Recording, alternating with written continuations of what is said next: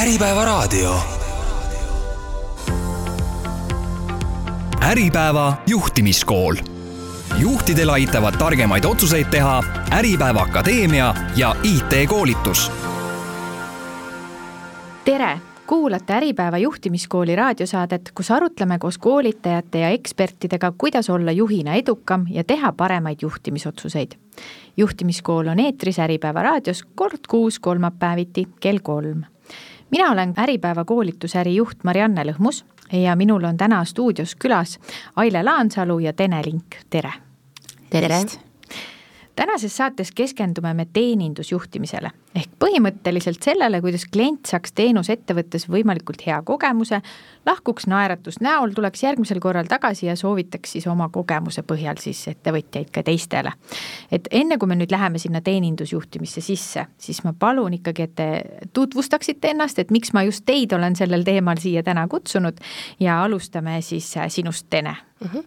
et äh, mina olen siis Tene Link ja äh, Äh, mina olen äh, teenindusvaldkonnas äh, tegutsenud ähm, üle kahekümne aasta ja tegelikult rohujuure tasandilt siis alustanud ja saanud kogemuse väga erinevatel positsioonidel. Ja minu tugevus täna võib-olla on just eelkõige, kui me räägime teenindusettevõttes personalijuhtimise valdkonda, juhtimist kui tervikut üldisemalt ja hetkel äh, on äh, meil oma koolituskonsultatsiooni ettevõte Diskify Ailega, kus me siis konsulteerime juhte teenindusvaldkonnas, meeskonnatöös, äh, koostöö arendamises ja oleme seda teinud nüüd aastast kaks tuhat kakskümmend üks. ja Aile, sinu võimalus endast rääkida no tervist eh, ka minu poolt jaa, et noh, Tenega on meil tõesti olnud see kooskäimise tee teenindusvaldkonnas tõesti üle kahekümne aasta. ja meid on alati, eriti just siis võlunud kliendi teekond kui selline, et kust tuleb, kust tuleb siis see kliendi lojaalsus ja kust tuleb siis see, miks klient otsustab just sinu teenust siis tarbida mis minu teekonda iseloomustab, on see, et ma, see on alati seotud olnud äh, klienditeenindusega just ka rohujuure tasemel, olles ise väga pikalt äh, ka klienditeenindaja, sealt edasi teenindusjuht ja restoranijuht ja mis, äh, mis on olnud eriti väljakutsuv minu teekonnal, on see, et on vaja tõesti välja mõelda päris algusest ja nullist erinevaid klienditeekondi. ja see on mind kõige enam köitnud mis loo-, luua just selliseid uusi kogemusi, mida võib-olla Eesti turul pole olnud, äh, missugused äh, on need trendid või väljakutsed just erinevatel ajahetkedel, kus on olnud, kas siis on majandussurutis olnud või vastupidi, õitseaeg olnud, mis siis saab? ja see on just see võtmeküsimus, mis mis me peame muutma, mis me peame äh, tegema teistmoodi, ma lähen jälle tegelikult juba teemasse, mitte enda tutvustamisse, aga just see, et äh, ju kõige rohkem iseloomustabki, et mida sa oled pidanud üle elama või tegema klienditeeninduse valdkonnas sinu kirjeldusest jäi selline muutuste juhtimine suuresti kõrva. Äh, jaa, see tegelikult mind kõige rohkem ka ennast äh, erutab, et just ähm, muuta, teha paremaks, areneda, äh, et me peame olema alati mõnes mõttes kaks sammu eespool, et see, mis sa teed täna teeninduses, see on ju ka näha ka konkurentidele. Just, aga ma võib-olla hakkangi minema selle teemaga siis nii-öelda sügavamale sisse, et kuidas nüüd juhid siis saavad siis äh, või millised on need kõige tõhusamad viisid, kuidas mõõta ja kuidas hakata siis parandama seda kliendi kogemust oma, oma ettevõttes mm? -hmm et äh, ma võib-olla teen sinu otsa lahti, et tõepoolest, et äh, tegelikult hästi-hästi oluline on ikkagi aru saada, kes on sinu klient. et toode-teenus äh, paberi peal laua taga tundub alati selline uudne äge, midagi, millega turule tulla, aga kui tegelikult me ei ole saanud äh, juba ka siis selle toote-teenuse loomise faasis tagasisidet, noh, erinevad fookusgrupid või, või küsitlused oma tegelikult potentsiaalse kliendi käest, siis me juba oleme võib-olla, ütleme, et tõenäosus, et me oleme valele poole minemas, on küllaltki suur. Kui meil juba on toode-teenus ja meil on, on ka kliendid, kelle käest, päris kliendid, kelle käest küsida, siis kindlasti äh, on, äh, on hästi-hästi oluline tegelikult teada saada, kas see sinu olemasolev klient sind tegelikult äh, soovitaks oma sõbrale või võõrale, räägiks sinu, sinust, ma ei tea, sotsiaalmeedias head, et see kõik on ülimalt oluline teada saada, mis on see siis, miks ta ei teeks seda või see, miks ta just seda teeb ja, ja see on oluline mõõdik, seda on täna erinevate noh, tehnoloogiliste lahendustega ju väga lihtne küsida, mõõta, aga siin on oluline teada saada see, et, et, et mitte ainult, et kas sa soovitaksid, jah, et see on ju lihtne valem ja lihtne küsimus, et aga kui on võimalik tegelikult ikkagi küsida ka avatud küsimusi, aga külal-, noh, ma ütlen kohe külaline, sest et klient meie jaoks on selline väga kuidagi noh, barjääri taga olev äh, keegi, et aga kui räägime siis klientidest, et tegelikult, et et äh, kui saaks suhelda, kui saaks avatud küsimusi küsida, et see on ülimalt oluline. ja kui me räägime äh, otseteenindusest, ma noh, siis teenindus on väga lai mõiste, aga kui me räägime sellisest otsesuhtlusest, siis on hästi-hästi oluline kindlasti see, et et juba klienditeenindaja on saanud piisavalt kogemust ja piisavat koolitust ja oskusi selleks, et kuidas selle kliendiga suhestuda. ja just vastavalt äh, selle kliendi nii-öelda noh, isiksuse tüübile, tema äh, eesmärgile, miks ta on tulnud, see, kas tal on väga kiire, tal on aega, et kuidas saada tegelikult kätte see, miks ta tuleb, mis on ta vajadused, mis on ta eesmärk ja sealt lähtuvalt tegelikult saab parandada alustame klienditeenindusest, aga tegelikult juba ka siis kogu toodet või teenust tervikuna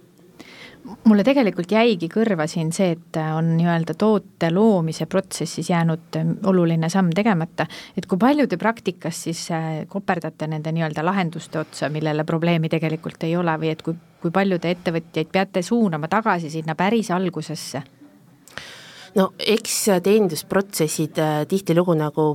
ähm, noh, me oleme arutanud ka varem Ailega, et ongi tegelikult jäänud kas ajale jalgu või nad on tehtud liiga keerulised ja liiga keeruline tähendab siis ka seda, et äh, mingis protsessis on ta keeruline äh, töötajate jaoks, eriti kui me räägime hooajalistest töötajatest ja, ja väga keeruliseks tihtilugu kasutades erinevaid tänapäeval siis tehnoloogilisi lahendusi, on nad justkui tegelikult läinud ka kliendi jaoks. et äh, siin ongi see, et äh, in, mida inimene vajab, tahab tegelikult saada parimal võimalikul viisil see, mille järgi ta on tulnud. ja kui see on tehtud ülimalt äh, siit võtta, eks ole, üks QR-kood ja siis äh,, siis mine tee järgmine samm, kuigi te, tema tegelikult võib-olla vajab seda ühte küsimust, et ta saaks küsida ikkagi tegelikult selle inimese käest näiteks. et, et tihtilugu jah, et tahetakse olla selline, et me oleme esimesed, me oleme ja, noh, ma ei tea, innovaatilised, aga tegelikult see tähendab seda, et äh, et äh, see basic peaks olema see põhiline, see empaatiline suhtlus, see, et, et sa näed päriselt, ükskõik, kas siis ekraani noh, tagant, kas siis kirjalikult, kas siis otsesuhtluses, aga sa näed seda klienti, tema persooni, tema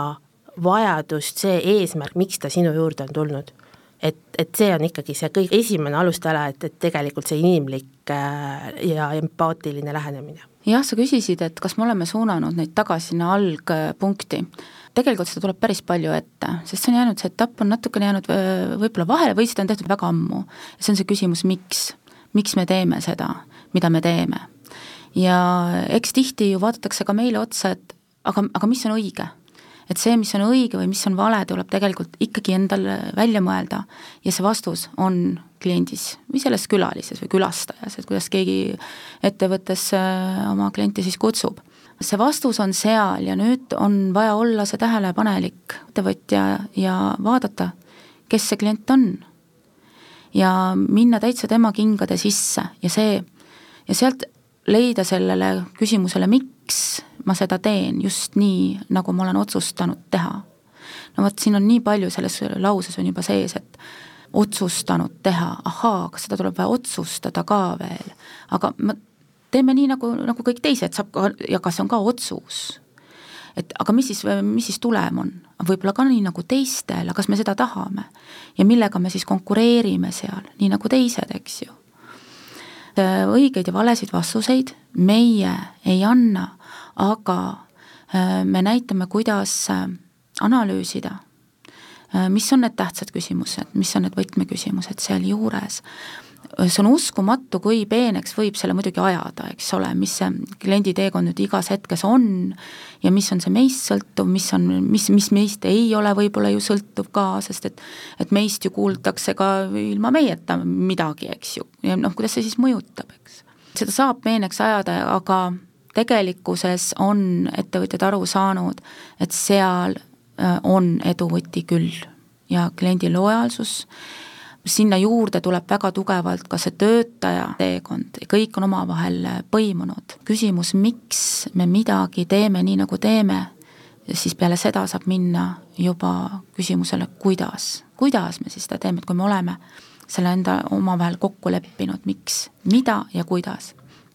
siit käis hästi palju läbi seda, et ole oma kliendile lähedal ja vaata tema emotsioone, saa aru, miks ta seal on, mida ta teeb. et kas see siis, äh, ma mõtlen just, äh, me vist oleme hästi palju näinud just selliste toitlustuskohtade, restoranide puhul, kus ettevõtte nägu on justkui see juhi nägu ja see juht on pidevalt kohapeal ja ise tuleb klienti tervitama, et see on nagu nii hea imidž või annab sellise lisapuudutuse, et kas, kas ilma selleta saab ka ja kes see inimene ettevõttes siis võiks asendada seda juhti siis, kes seal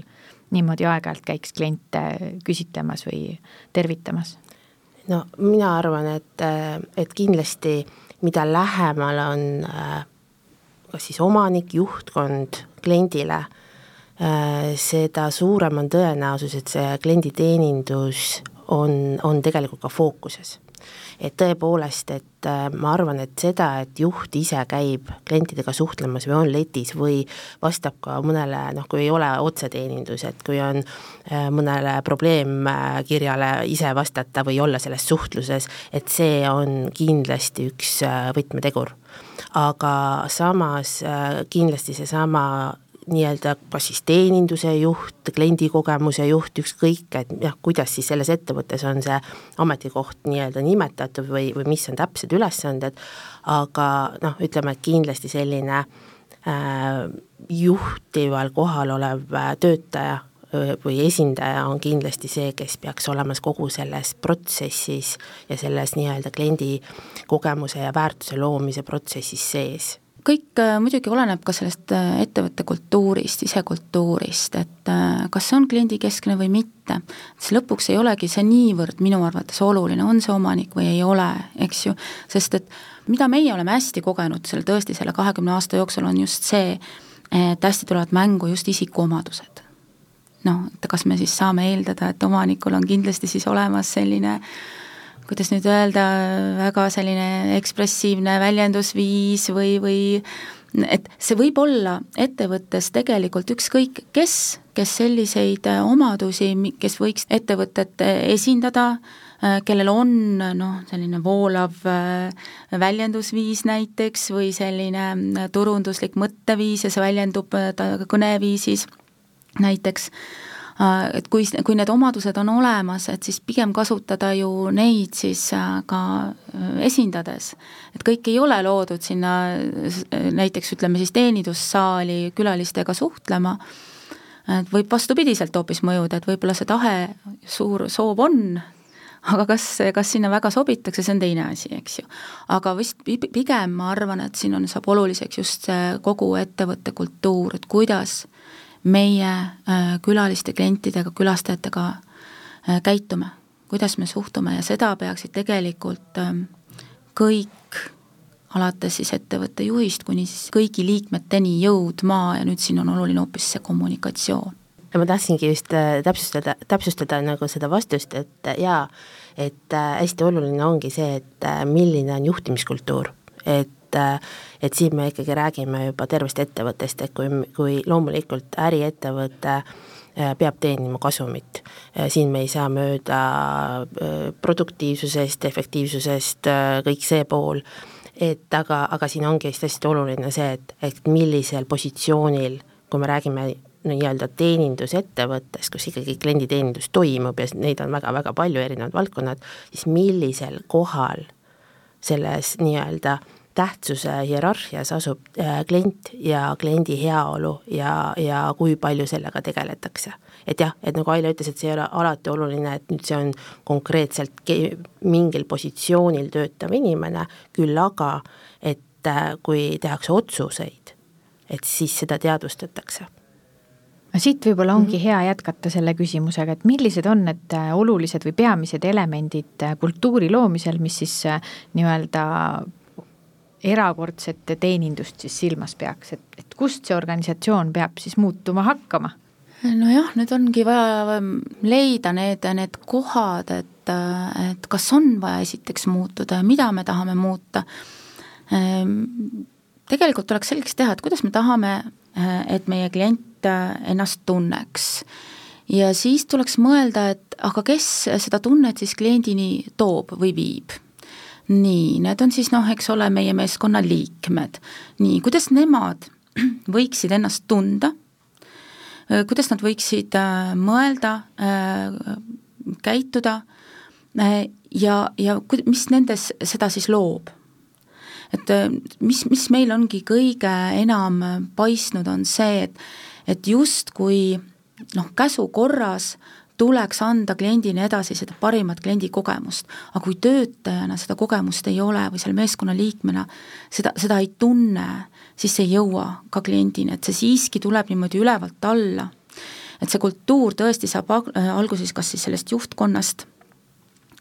Ja, ja siin tuleks endale selgeks teha, mida me tahame, et klient tunneb ja nüüd mina isiklikult Äh, loon ka sedasama tunnet oma ettevõttes, et, et et see käib ikkagi niimoodi, et see projitseeritakse kliendile edasi, mis on see ettevõtte kultuur, see paistab kliendile kohe kätte. Ehk juhile justkui on siis see, et nii nagu sa käitud oma töötajatega, käituvad sinu töötajad sinu klientidega? Äh, jah, igal juhul nad ei hakka, ei loo seda positiivset kogemust sellisest äh, enda sellest halvast, halvast töötaja kogemusest, sealt pealt ei, sealt pinnalt ei ole midagi luua. Et noh, tõesti, meil on kõik need ametijuhendid ja meil on lepingud ja seal on kirjas, vot sa pead tegema seda ja see, seda, no see ei toimi. see niimoodi paberi peal ei toimi, me võime ju äh, ju tuua selle niimoodi esile ja näidata, et aga meil on kokkulepe, aga jah,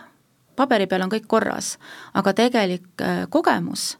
no äh, seda ei garanteeri, seda kliendi äh,, kliendi ja, ja, ja ettevõtte vahelist kogemust. Et tõepoolest, kui me nüüd räägime teenindusest, siis tihti me räägime hästi noorest äh, põlvkonnast, kes väga tihti ei ole ise kogenud no mida me nõuame tavaliselt klienditeenindajalt, mõista teeni-, klienti, siis me, et kuula teda ähm,, ole empaatiline, me nõuame, nõuame justkui seda, aga see noor inimene ise võib-olla ei ole kunagi isegi seda kogenud võib-olla teda ei ole kunagi ära kuulatud päriselt või mõistetud. või kuidas ta siis oskab seda edasi anda? kuidas on see päriselt mõistmine ja kuidas on see päriselt kuulamine? et äh, vahel mulle küll tundub, et, et me nõuame sellist hästi, sellist psühholoogiliselt ja emotsionaalselt küpset äh, käitumist, aga kui see kogemus endal puudub, see on hästi oluline osa, et, et sa suudaksid seda edasi anda, et kas sul endal on seda kogemust või mitte ja, ja kui see ei tule ka kodust näiteks kaasa, kui see ei tulegi väljaspoolt kuskilt selle noore inimesega kaasa, noh, siis ongi niimoodi, et sul on siis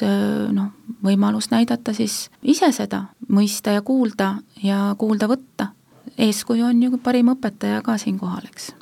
ma võib-olla lisaksin siia, et, et tihtilugu ju noh, järjest vähem küll on seda, et äh, ettevõtte väärtused on sellised kõlavad äh, sõnad kusagil kodulehel või, või seinal, et, ähm, et tegelikult kui me räägime Äh, sellisest väärtuse loomisest kliendi tee, noh, teekonnas või kliendi teeninduses üldiselt, siis tegelikult selline väärtuspõhine juhtimine on hästi-hästi oluline just nende noorte inimeste puhul, et äh, väga suur vastutus samas loomulikult ka, et kui me räägime noh, kas siis äh, jällegi teeninduse juhi või kliendikogemuse juhi või, või noh, lihtsalt restorani juhi vastutusest või siis, kui me räägime noh, äh, sellest, et meile tulevad äh, noored, kellel puudub varasem töökogemus, siis ka läbi selle on võimalik väga edukalt luua seda väärtust, mis jõuab kliendini, sellepärast et kui me näitame tööandjana, me väärtustame selliseid põhimõtteid, me ise tõepoolest järgime neid, me väärtustame seda, kui see noor inimene näiteks äh, käitub vastavalt, me toome seda esile, me anname enesekindlust, et see on see võti, kuidas kasvatada tegelikult äh, sellest täiesti puhtast lehest väga väärtuslik, teist inimest austav äh, klienditeenindaja, et sellepärast, et tema tunneb, et äh, sellisel puhul teda on väärtustatud, teda austatakse ja ainult selline töötaja saab ju tegelikult kõike seda välja nii näidata või seda noh, see kiirgab temast välja, et vastasel juhul, kui on noh, ma ei tea, on, on kahjuks veel need ettevõtted, kus puudub koolitus, õpitakse kogu aeg läbi selle, et ma eksin või et äh, saab keegi kogu aeg riielda, sellepärast et ta ei oska, kuigi talle ei ole ka antud piisavalt, eks ole, koolitust või võimalust ära õppida, et sellisel puhul noh, kuidas me saame oodata seda, et ta kiirgab välja enesekindlust ja ja klienti väärtustavat sellist äh, nii-öelda energiat või hoiakut, et äh, seetõttu ka just see vastutus selle inimese nii-öelda arengul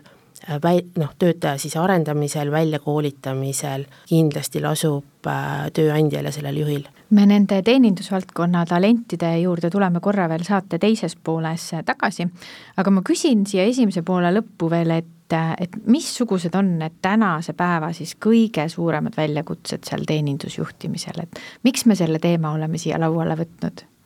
see võti on alati ikkagi äh, meeskonnas see, see võti on inimestes ja see inimeste juhtimises, et no siin on jälle see, et, et ei saa juhtida inimesi, saab ainult protsesse,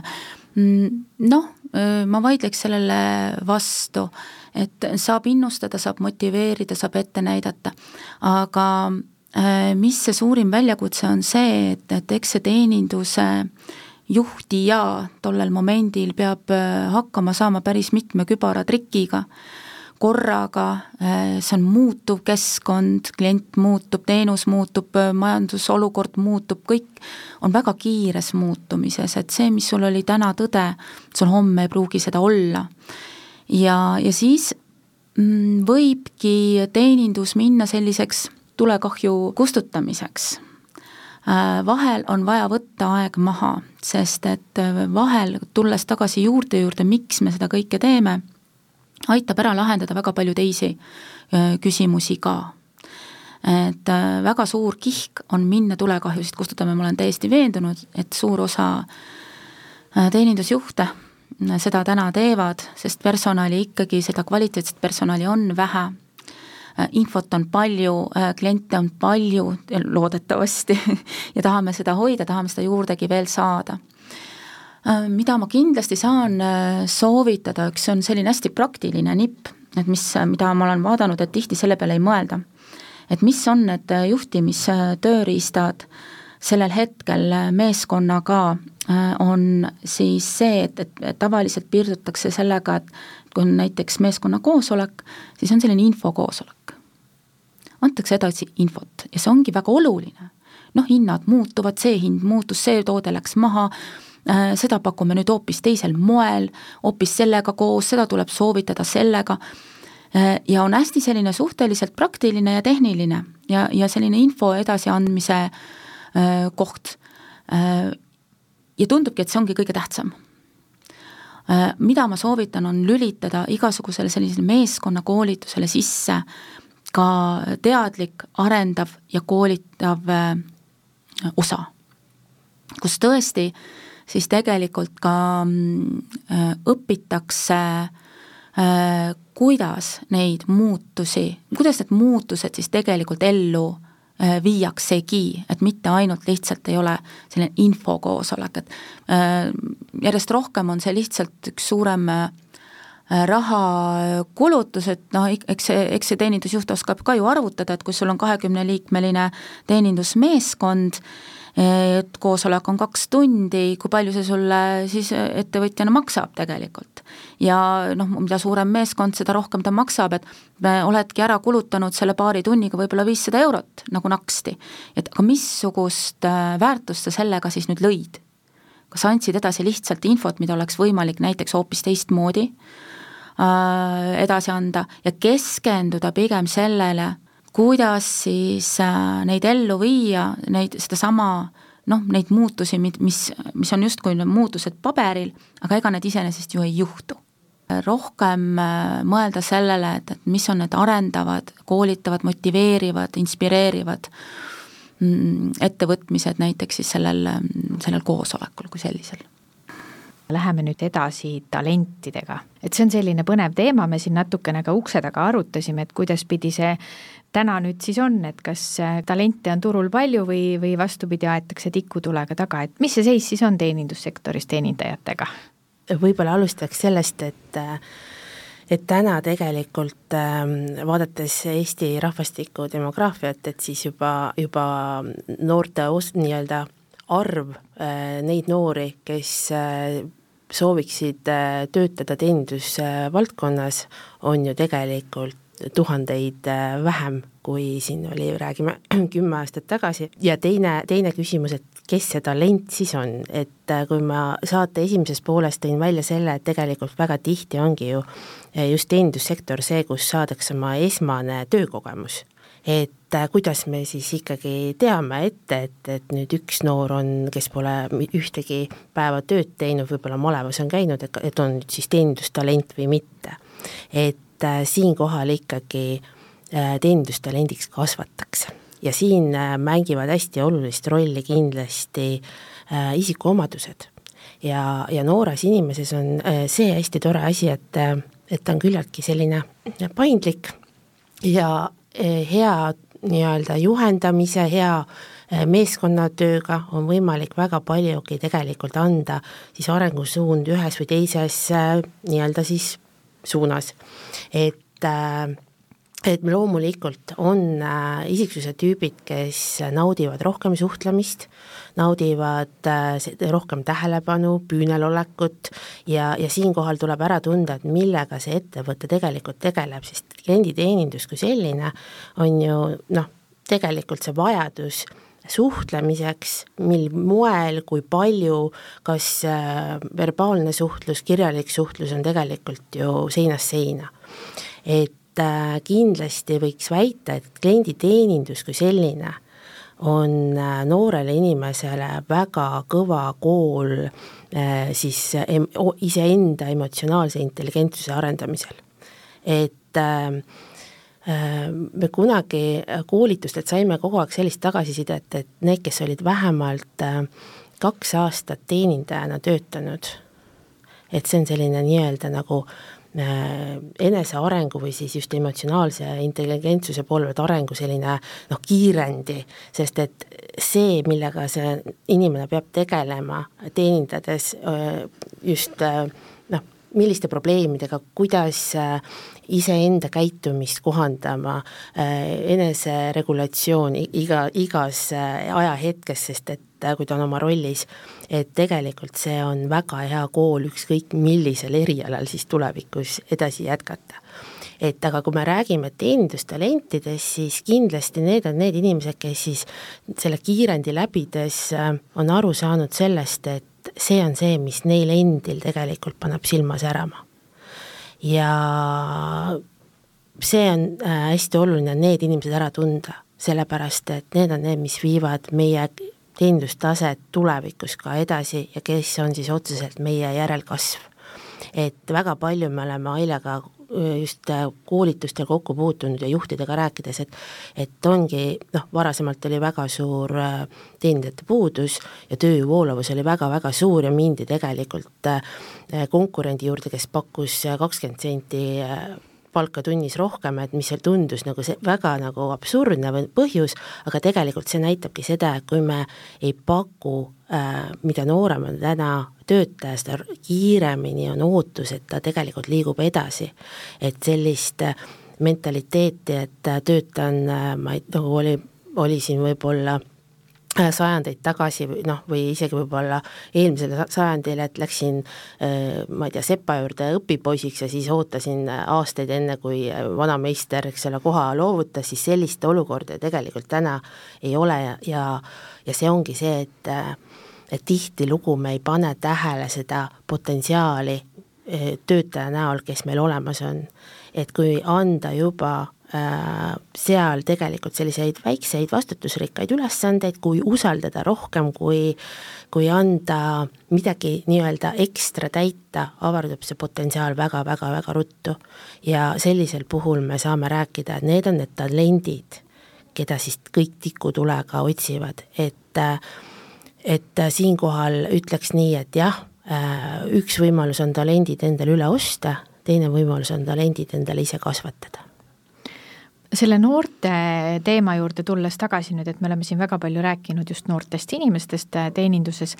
Äh, ma just hiljuti kuulsin, äh, üks psühholoog rääkis sellest, et tänapäeva noored, kuna nad suhtlevad võimalikult palju seal nutitelefonis kirjutades, siis mis neil jääb ära, on see, et teisele inimesele otsa vaatamine ja tema emotsioonide siis nii-öelda näost lugemine, mida klienditeeninduses on ju tegelikult väga palju. et kui meil noori on järjest vähem ja nende see suhtlemisoskus on järjest nii-öelda siis ütleme, kehvem mõnes mõttes nii-öelda näost näkku, et mis see siis teenindussektorile kaasa toob ja et, et kas me siis, kas me suudame neid kuidagi järele aidata?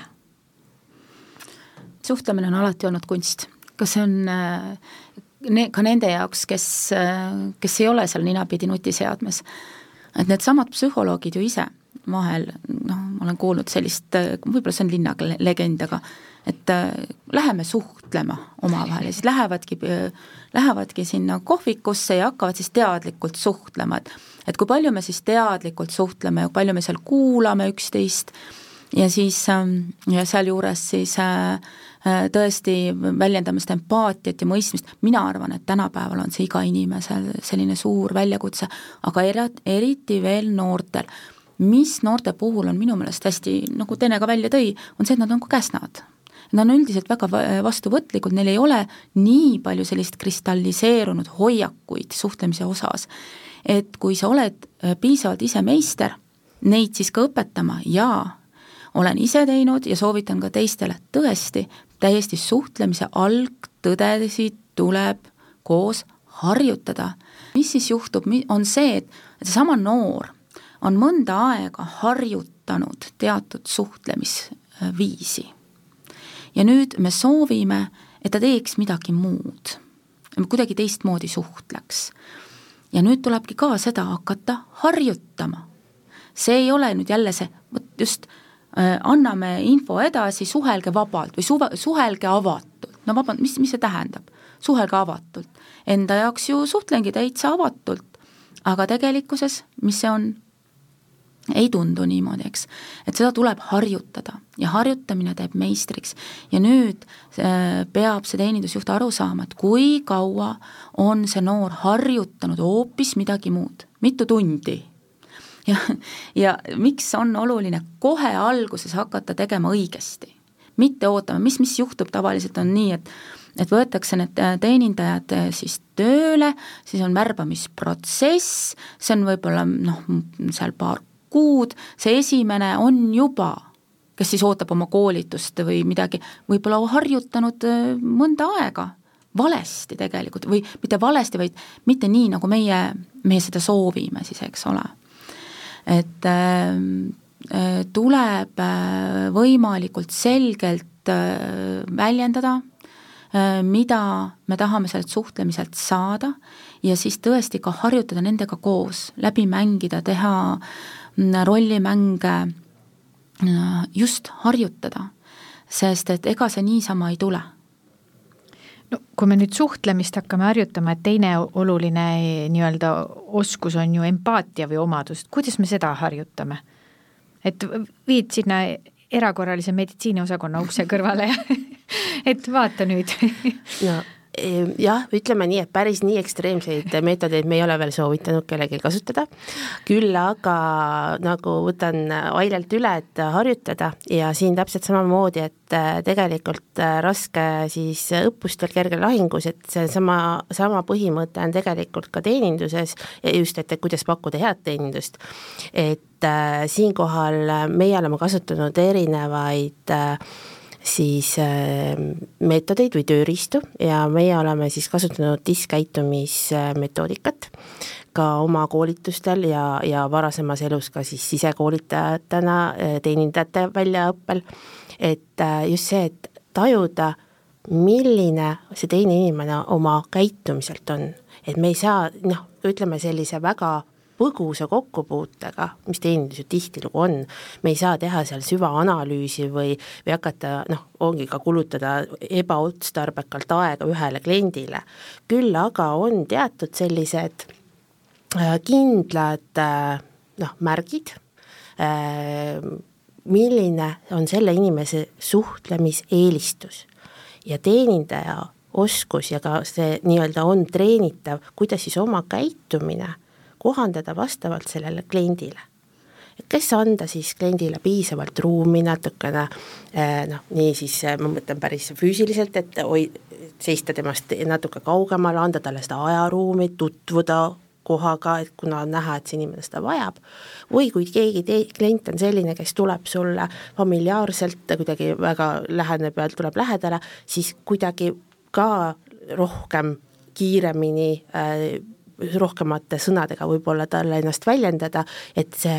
suhtlusviis tegelikult on vägagi oluline võtmesõna, kuidas see klienditeenindus muutub ka personaalsemaks. Ja selliseks, et see klient tajub, et te, tema siis vajadustega, tema persooniga tegelikult äh, arvestati. Et see on nagu üks, üks, mida me oleme väga edukalt suutnud nii-öelda teenindusjuhtimisse või teenindusprotsessi, teeninduskoolitustesse siis integreerida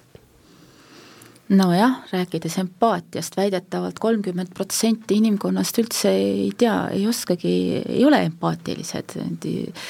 noh, seal on juba mingisugused patoloogiad ka, aga see selleks, et kuidas siis kasvatada ja see on see, Tene rääkis ka sellest teadlikustamisest, et me ei ole üldse ühesugused, tuleb välja, me oleme päris erinevad ja, ja siin äh, üks asi on see, mida meie oleme kasutanud, diskkäitumise äh, teooria, aga teine on ikkagi, jõuame sinna ettevõtte kultuurini jälle tagasi, et äh, kuidas me ise siis äh, empaatiat üles näitame selle meeskonnaliikme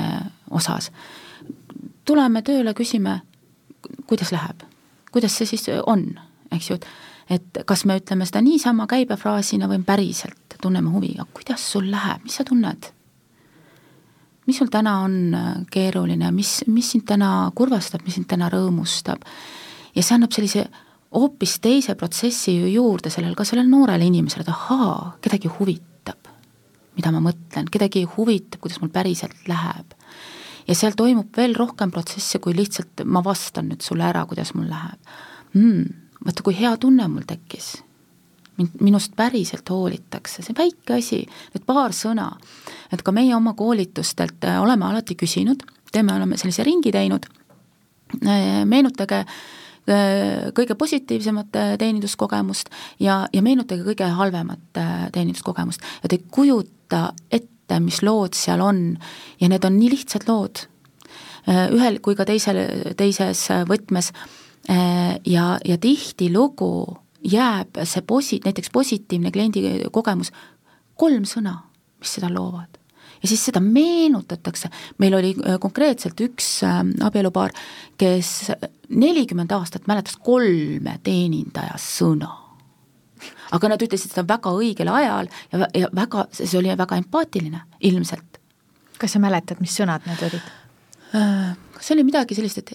ärge muretsege, me ajame seal korda, et siin on nüüd rohkem sõnu, aga, aga konkreetselt oli ka kolm, kolm sõna, hetkel ei mäleta, aga me, me kõik, aga need olid praktiliselt igas loos. Mhm. et need ei olnud mingid erakordsed sõnad, vaid see oli lihtsalt seesama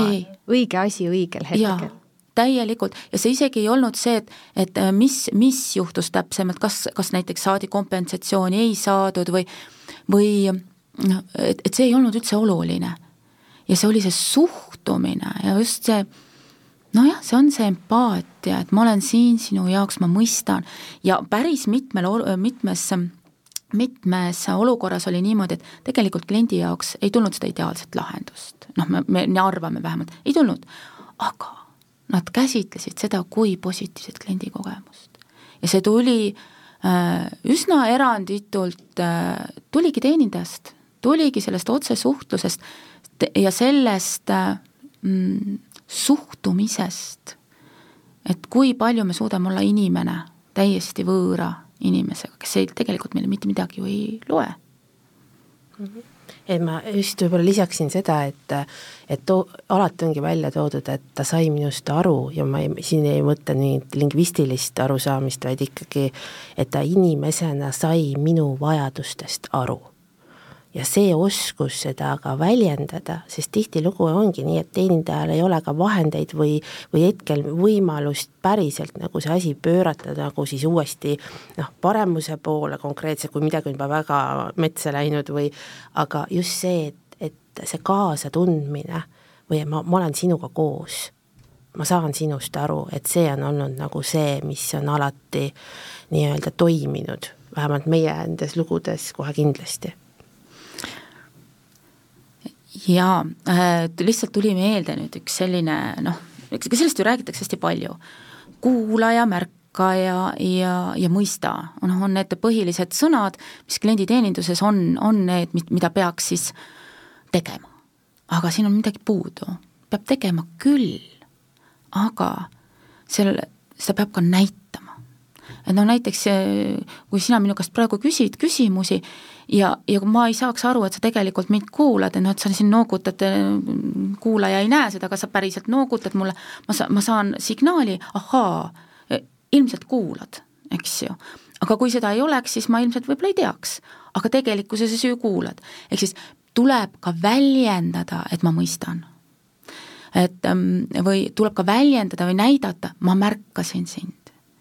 et äh, näiteks kui mina praegu sinu poole päris otse ei vaata, perifeerias oled olemas, mina olen sind märganud, aga kas sa saad öelda praegu, et mina sind märkasin? et sulle, sa ei saa seda signaali, ma pean sinu poole vaatama, ma pean võib-olla noogutama, võib-olla pean korraks ka niimoodi noh, käega märku andma, ma olen sind näinud. et see tuleb natuke isegi võib-olla forsseerida seda tänases te-, äh, klienditeeninduses ka, ma märkasin, jah, ma olen kohal väljendada seda, et, et kas see signaal jõuaks kohale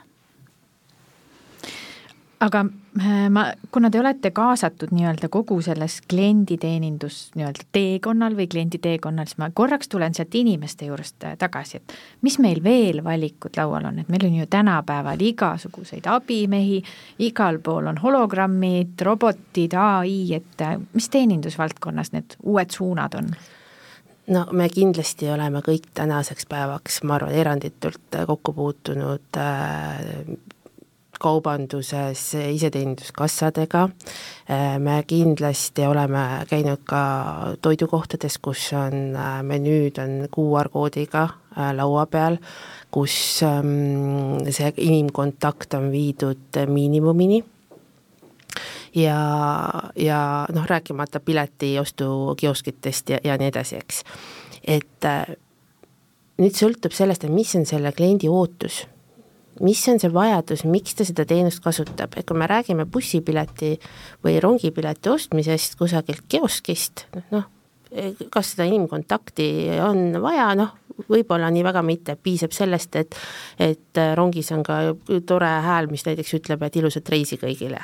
et, et see pool äh, ei, ei mängi seal võib-olla sellist rolli. küll aga, et kui me räägime ikkagi inimese jaoks väga sellistest äh, olulistest äh, teenustest ja toodetest,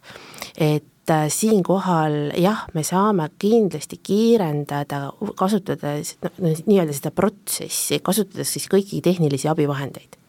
ja kui see on see ainuke vajadus, mil, mida inimene tol hetkel vajab, siis see on õigustatud. kui me tahame tehnoloogiat kasutada lihtsalt selleks, et eristuda turul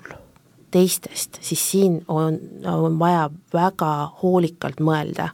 et mil moel see meie kontseptsiooni ja meie äh, siis imidžit üldiselt tegelikult mõjutab, kas see on see, mida me tahame.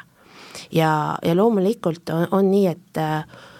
kindlasti, kui me kujutame ette, et oleks meil selline näiteks toidukoht, kus meil ongi ainult robotteenindajad, ongi masinad ainult, siis ma usun, et me kõik äh, tahaksime tõesti uudishimust käia seal korra vähemalt ära, kohe kindlasti ja on siis äh, teatud segment inimesi, kellele see sobibki, sest võib-olla see on kiirem, see on selline, ei peagi suhtlema, ajan omad asjad ära, saan oma, ma ei tea, toidukarbi kätte näiteks. ja, ja see võib noh, mingil määral töötada. Aga nüüd me mõtleme, mis on näiteks, kui me võtame äh, restorani, mis, mis see funktsioon on, kas see on täiskõht, kas see toode on äh, see, et ma, ma saan äh, Äh, sellise, ma ei tea, äh, optimaalse koguse sellise raha eest. et see on küsimärk, kas see, kui me räägime lõunasöögikohast, võib-olla tõesti, või et see ma haaran midagi kiirelt kaasa, aga kui me räägime mis, mille jaoks restoranid tegelikult äh, noh, kunagi loodud on, et nad on sotsiaalsed kokkusaamiskohad, seal on lisaväärt, seal on nagu enne Aile mainis ka seda emotsionaalset väärtust nii palju juures, et kas see masin täna loob meile seda emotsionaalset väärtust, jaa, ta on kindlasti hästi kuluefektiivne, mingi tasuvusaja järel ta toob meile kõvasti sisse, aga et kas ta suudab just seda empaatiat väljendada, no millest me rääkisime, kas see on see, mille järgi inimesed janunevad, et kas see on, kas see on see, mille järgi võib-olla see üksik inimene tuleb ka õhtul välja ja tahab tegelikult tunda, et ta kuulub kuhugi, et need küsimused hakkavad nagu väga tugevalt äh, siis nagu esile tulema. ja me ise oleme ka tegelikult äh, juhtidena äh, töötanud äh, sellistes äh, toidukohtades, kus siis, kus siis tegelikult on hästi oluline, et asi töötaks nagu kellavärk. ja kui me räägime sellest, et, et me saamegi äh, väga palju äh, tegelikult kasutada tehnoloogiat ja uusi lahendusi selle, seal poolel, kus otseselt ei looda kliendile emotsionaalset väärtust, siis seal see on õigustatud igatepidi. protsesside kiirendamine, tarbetute liigutuste vähendamine, noh, kõik see nii-öelda telgitagune, seda tulebki kasutada. kui me räägime äh, noh, ma ei tea, kas või ma ei tea, töötajad, tööhaldus mingid programmid, noh, et see ongi ju mõttetu, et, et seal on liiga palju inimtööjõudu seda tegemas. aga kui me räägime ikkagi seda, et, et inimene tahab saada seda teise inimese poolset mõistmist siis äh, seal kohal tuleks olla lihtsalt väga ettevaatlik, et kuhu maani see nii-öelda inimene asendatakse me peame hakkama oma saadet siin nüüd vaikselt äh, kokku tõmbama, aeg on armutu. Äh, ma küsin siia lõppu, et jaanuaris alustate te siis Äripäeva Akadeemias jälle teenindusjuhtimise meistriklassiga ja seal on nii-öelda välja toodud, et, et te koos osalejatega panete kokku siis nii-öelda kliendi teekonna kava ja teenindusprotsessi prototüübi. Et, et mis see selline on ja kas see on täna juba ettevõtetes olemas, kas see peaks olema, kas see on nagu sisekorra eeskiri või, või mida nad tegema hakkavad? noh, kliendi teekond on selline suurem ja laiem äh, mõiste üldse, et äh, tegelikkuses ju kõik äh, need kokkupuuted, mis kliendil on äh, ettevõttega, ongi juba kliendi teekonna osa äh,. millele meie keskendume, on siis see äh,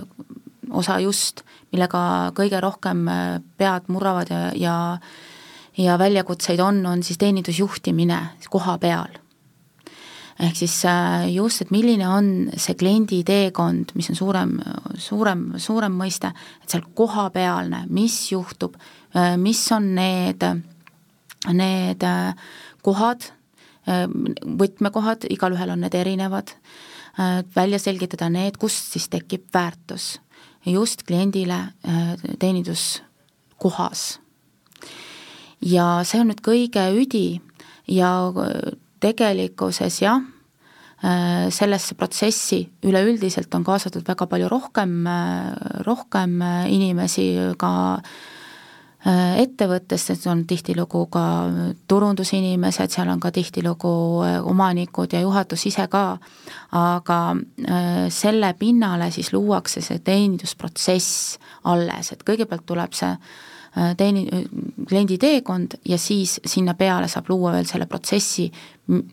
kuidas siis seda, kuidas see siis täpselt välja näeb. et kui palju me saame seda kliendi teekonda juhtida koha peal ja, ja selles mõttes, et meie anname kätte nii-öelda sellise nagu basic äh, tööriista ja noh, kliendi teekond on tänasel päeval tegelikult võib-olla väga muutuv, vastavalt äh, ma ei tea, hooajale, vastavalt äh, turuolukorrale, majandusolukorrale, et et, et seetõttu on ka hästi oluline, et see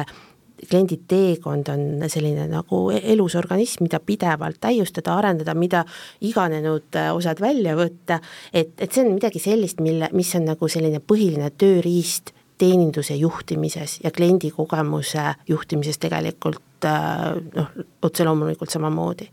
et ja teenindusprotsess on ka midagi, nagu Aili ütles, ei ole midagi sellist, mis on kivisse raiutud, et siis kui restorani või, või äh, oma noh, ükskõik mis, mis valdkonna teenindusettevõte nüüd uksed avas, eks, no et nüüd me raiusime sellise teenindusprotsessi endale kivisse, nii on, et noh, tegelikult see, see peab olema ka küllaltki orgaaniline. ja hästi oluline lisaks juhtidele on tegelikult kaasata kogu protsessi ikkagi ka needsamad teenindajad, kes selle külalise või kliendiga otseselt kokku puutuvad, et see on ka hästi-hästi oluline selle kõige juures nii palju põnevaid teemasid jäi veel täna meil käsitlemata, nii et, et kõik, kellel huvi üles jäi, tuleb siis ilmselt koolitusele tulla. aga aitäh, te kuulasite Äripäeva juhtimiskooli raadiosaadet, mina olin Marianne Lõhmus, minuga stuudios olid Tene Link ja Aile Laansalu. saadet saate täispikkuses järele kuulata Äripäeva raadiokeskkonnast ja järgmise korrani. aitäh! aitäh, nägemist!